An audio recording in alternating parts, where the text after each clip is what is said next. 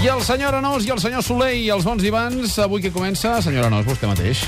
Bé, eh, les, bueno, fa l'última vegada parlàvem amb el senyor Soler que parlava de la trufa blanca, de l'estafa, del tartufo, de que la gent ven cap per llebre. Acabo de tornar-hi d'Alba, del cor d'Itàlia on es ven aquest producte, producte super gourmet, producte super car, i efectivament no n'hi ha, és caríssim, està als, als llocs, als restaurants, a 6 euros el gram, o sigui, una cosa quasi bé prohibitiva. Bueno, prohibitiva absolutament, però dir que està Ja. ja a l'estadi de droga, de drogadura, i, i després tota la població hi viu d'això, i, i s'han d'inventar fer mans i mànigues per estar plets japonesos i xinesos, ara s'acaba la temporada, i s'ha de vendre el que sigui per eh, donar sortida a això, a aquest desig, del, sobretot de l'asiàtic. Tota la, eh, N'hi ha un munt de Deia Soler que era botigues... per turistes, això. Sí, sí, sí. Amb un, amb, amb un munt de botigues on eh, venen productes de la tòfona, no n'hi ha ningú que sigui tòfona blanca, tot és eh, una tòfona inferior, no? La tubera estivium, que és la d'estiu, i tota Ja. aquesta cosa. És un gran negoci que aquest any els ha anat molt malament per això, amb uns preus desorbitats.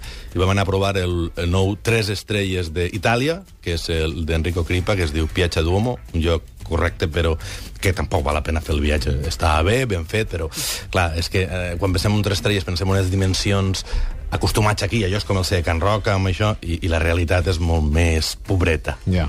Soler, Bueno, sí, només afegir que amb el tema aquest de la tòfona, del tartufo bianco, pues dir que és un, és un producte per tontos i per turistes. Mm. Però, bueno, si algú vol anar a Itàlia en, en època de, tro- de, tofo, de tartufo, que ara ja estem a les acaballes, pues s'ha d'anar al restaurant que ja he comentat alguna vegada, que és aquest restaurant a Polenzo, a Pollenzo, al restaurant Guido, on el Piero i l'Ugo Alciati practiquen una cuina clàssica piemontesa, i aquí sí que no, no pesen el tartufo perquè el tenen directament del pagès i llavors tots els plats estan inundats de tartufo i, i per un preu eh, assequible doncs podem fer un àpat eh, molt interessant de cuina clàssica piemontesa.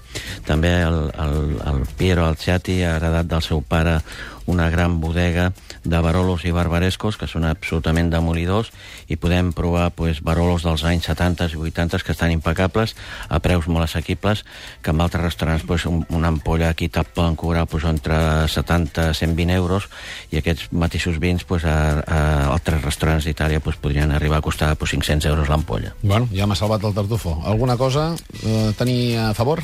A favor, Anós? sí. Eh, la Canyota, la Canyota. Fa poc més d'un any, un any i escaig, els germans Iglesias, Juan Carlos, eh, Borja i Pedro, van agafar la Canyota, que és el restaurant que està al costat del Ries, al número 7 del carrer Lleida, un lloc de menjar popular, i el van redreçar, eh, van convèncer van estimular al, al cuiner que havien tingut tota la vida i han convertit en un lloc de tapes fantàstic, m'agrada molt. Vaig tornar-hi divendres passat i, i tenen molta activitat, generen moltes coses, eh, fan que els clients facin les, el, la llista de les millors tapes. Eh, també han convençut a grans cuiners com el Dani García del Calima, que ara obre Manzanilla, un restaurant a Nova York, que els deixa un, un plat, per exemple, i els hi va cedir i la tenen permanentment, allí l'hamburguesa de cua de vaca, no de rabo de toro, que és aquesta cosa que, Sí. que és un producte que no existeix, molt bona. El Paco Roncero, de la terraza del casino, un dos estrelles, els hi ha cedit una truita de patates deconstruïda que en realitat era del Mar Singla. Bueno, tens també això. I després tens aquestes patates braves amb salsa d'Albert Adrià, cuinades al caliu perquè siguin menys greixoses, una capseta de fregits amb gamba, lluç, calamar, palalla, un pinxo de presa ibèrica, aletes de pollastre amb coctelera, tiren bé la cervesa i el preu està en torn a 25-30 euros. Bona Canyota. recomanació, bona recomanació. Senyor Soler, Bueno, en aquest viatge que vaig fer a Turín vaig estar també a Milan i a mi m'agrada molt aquesta ciutat, la trobo una ciutat màgica, entre altres coses perquè també es troba allà el quadre més important de la història de, de la gastronomia, que és el Cenacolo, eh, l'últim sopar que va pin- pintar Leonardo da Vinci l'any 45 i que es pot veure al convent de Santa Maria le Grazie.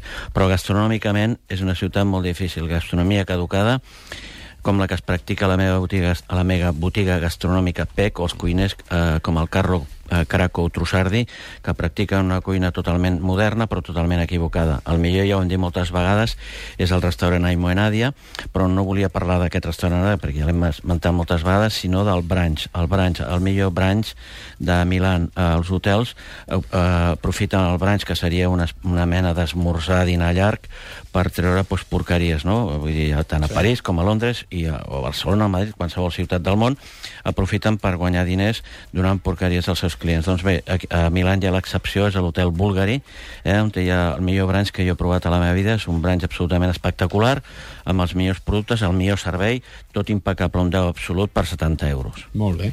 Eh, parlant que abans eh, s'estava anomenant a, aquests vins del Piemont, del nord, hi ha una cosa que m'agrada molt perquè vaig conèixer la família Chereto, ells eh, van presentar un vi nou, que és el Canubi, que és una zona central de Barolo, la més antiga, és el Canubi 2003, que sols es vendrà en Magnum, una cosa absolutament exclusiva, i el que m'agrada d'aquests vins, eh, eh, sols poden plantar un tipus de raïm, no? El Barolo, saps que fan? Nebbiolo. Fan sí. sols això, no n'hi ha confusió. Són aquests vins de llarga durada, que abans dèiem que pots prendre a molt de temps, molt exclusiu, però que han sabut fer un màrqueting suficient perquè la gent pugui identificar un territori amb un sol vi, no? Aquestes confusions que no saps molt bé, aquesta zona, quin raïm que fan, allí sols fan per llei Nebbiolo, amb aquesta cosa, i el Canubi aquest, que és un vi molt exclusiu, és un vi per grans restaurants, per col·leccionistes, però que aquesta gent fan vins eh, molt, molt interessants, família Chereto. Avui estem a Itàlia. Sí, el, padre, el pare Chereto, això m'ho ha dit el, el, el senyor Arenós aquí Bruno, fora. Bruno Chereto. El Bruno Chereto diu que li va dir que si ell, que té 76 anys, que si sapigués el dia que es moriria, l'últim àpat el faria al restaurant Echevarri de... Sí. de... Ah, sí? Sí, sí, però a més el més curiós és que va dir el, el, ells són els propietaris de Piazza Domo, aquest nou tres estrelles, i em diu, la frase és aquesta,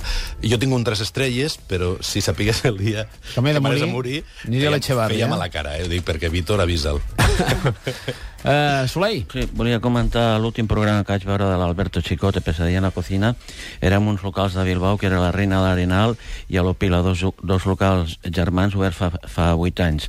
Els propietaris són els socis aquests, Àlex Hernández i Arnaldo Jiménez, i una vegada més es tracta d'una porqueria de restaurant que és difícil d'entendre com han pogut aguantar 8 anys. Vull dir, eh, eh, tot és un disbarat. Eh? Vull dir, tots tots els locals que surten... És que jo no diria restaurants, són locals que els porten pues, indocumentats i, bueno, realment és que jo que és impossible arreglar aquests locals. Jo crec que aquests locals tindrien que estar tancats, tancats i precintats. Però, bueno, l'Alberto Chicote pues, bueno, fa aquest programa però jo crec que no, no, no, té, no, no, no sé, crec, penso que no té cap sentit, això. que no, eh? Pues mira, ens quedem a aquesta cadena, a la sexta. El diumenge passat eh, Jordi Évole va dedicar els salvados a llençar menjar, no? Eh, a la pràctica aquesta de baratar recursos. I el sistema és molt pervers. Sortia un agricultor de les Terres de l'Ebre per parlar que els supermercats no volen mandarines grosses ni amb taques a la pell. I penses, a la culpa la culpa és dels súpers. Bé, la culpa també és nostra, els consumidors, perquè tu vas al lineal, vas al supermercat, vas allí uh, i veus una uh, taronja una mica atacada, que pot ser extraordinària, pot ser bona, uh, ja no la vols, l'agafes al costat, i entenc que eh, al final tothom està eh, empenya amb una certa pràctica no, d'encerar, de, de fer-lo bonic, perquè el propi consumidor no pensem, no reflexionem i volem això. No, però potser ens falta el punt de cultura de saber com han de sí, fer les coses. En No? definitiu, és que no hem de comprar grans superfícies, la fruita aquesta. Anar a botigues de gent que van directament a pagesos, que, que és igual que la fruita estigui, que sigui ecològica, que sigui més lletja, menys lletja, però que sapiguem que, que, que, que és bona, que és bona, que l'interior, l'interior, el bonic està a l'interior de les que maco, persones. que maco que li ha quedat. Eh, i, i, I quan escoltes totes aquestes coses, els gasos, els encerats, surts per, cap- per potes, és que, és que fa fàstic, fa fàstic menjar tota aquesta quantitat. És botox, són, són productes amb botox. Àntrax? Sí, amb Soleil. Bueno, això és el que passa amb totes les fruites que es produeixen a Espanya per Europa, no? Vull dir, totes han d'estar ben encerades i ben maquillades. I les que són lletges no les volen, doncs això s'han de maquillar. Mm -hmm. Bueno, l'altre dia vaig accedir a una web que es diu Let's Bonus, que Sí. és una és una web que fan tot tipus d'ofertes i, bueno, eh, i vaig trobar, vaig quedar molt sorprès per les ofertes gastronòmiques de restaurants del nostre país, és a dir, de Barcelona, de Catalunya. Llavors vaig, vaig, he agafat alguns, el Via Veneto, el Neixel, el Calisé, del Maneiró, la Font de Sala, i, bueno, no sé, vull dir, no, no és cap crítica contra ells, però vull dir, trobo ridícul que posin que el menú, que per exemple el Via Veneto, que abans valia 110 euros, ara val 62, és a dir, et fan un 44% de descompte. El Neixel també valia 110, ara el ven a 62, un altre 44% de descompte. El Cal Isidre valia 100, ara val 55, menys 45%. El Maneiró valia 100, ara val 49, menys 51% de descompte. Tot això es, eh, produeix una perplexitat perquè aquestes baixades de preu com es poden entendre d'un 44 a un 51%. Com és possible? Abans, està, abans ens estàvem prenent el pèl. Jo no entenc, jo no entenc aquest tipus de promocions. És a dir, una cosa és dir... Oh, i la promoció si compres a través d'això. Si no compres a través d'això, Ah, pagues el pagues 110, l'altre. no ho sé, això ja no ho sé, I a no més aquesta gent també cobren, vull dir, aquests intermediaris, eh, Ja. eh, d'uns calés, quan, parlàvem fa unes setmanes d'un altre d'aquest bonus, que es diu Groupon, que parlava d'Alejandro de Roquetas, eh, i el xef havia deixat el restaurant i estava a Hong Kong, després ha perdut també l'estrella, no? Però no entens, per exemple, si va un senyor a qualsevol d'aquests restaurants i entra directament i paga, i el del costat acaba sent com les ofertes al, al, al low cost de l'avió. Ningú ha pagat el mateix. I això jo crec que eh, amb aquesta franja de restauració, ostres, és molt delicat, és molt fotut, eh? Sí, o sigui, fer un menú un, un, un, un preu especial, jo el trobo bé. Fer el menú que abans valia 110, gràcies a l'Eds Bonus, poder-lo pagar per 62, ho trobo Clar, però és que el del costat ha pagat, pagarà els 100 euros. Ja, l'última, Arenós. La última, els decoradors. Eh? Decoradors Barcelona ha passat, eh, per fer-ho d'una manera caricaturesca, del bar autodecorat, no? de l'autoconstrucció, al lloc superdissenyat, barroc, carregat. La gent es gasta la pasta. I eh, el, el líder de tot això, el guanyador, és Lázaro Rosaviolant, que eh, ho ha decorat tot. Jo recomano que el proper cobri fique este local no sido decorado por Lázaro. Em desagrada? No, em sembla bé, m'agrada, perquè té un estil aquest eh, que sembla que hagi passat molt temps i està obert l'altre dia. Està bé, però és que tot això igual. Big Fish, Baltazar, La Rita, La Cuina al Deó, Casa Paloma, Boca Grande, Che Coco...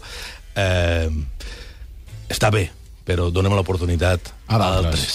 Va, Soleil, encara en sé cap una. Sí, de, davallada dels preus de les matèries primes, especialment les més cares, com el marisc, el peix, les carns.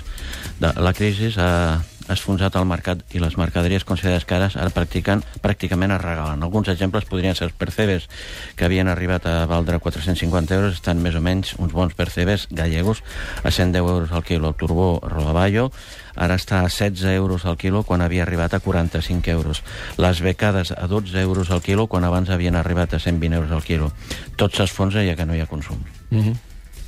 Una més. Acabem bé. I l'últim decorat per aquest home es diu Totó, és al carrer València, és propietat de la gent de Crustó, Rafael Campos i Roni Dester. Està bé, em va agradar. Les pitxetes és cuina italiana, unes pitxetes molt bones i, sobretot, una pasta de eh, cardolla. O sigui, la representació d'una cardolla amb pasta. Aquest plat va ser, el, per mi, l'excel·lent. Totó, carrer València. Carrer València i una mitjana de preu Una sobre mitjana què? de preus sobre 40, sense vi, sense beguda, eh? Té una carta de vins molt llerra, perquè és bar a vins, pots anar tranquil·lament als 50, 50, 55. 60, en funció del que beguis, sí, però que beguis. ba- bastant Per assequible. Senyors, moltíssimes gràcies per aquests bons vivants. Pausa d'un minut i arriben els problemes domèstics. Són dos quarts de 12 del migdia.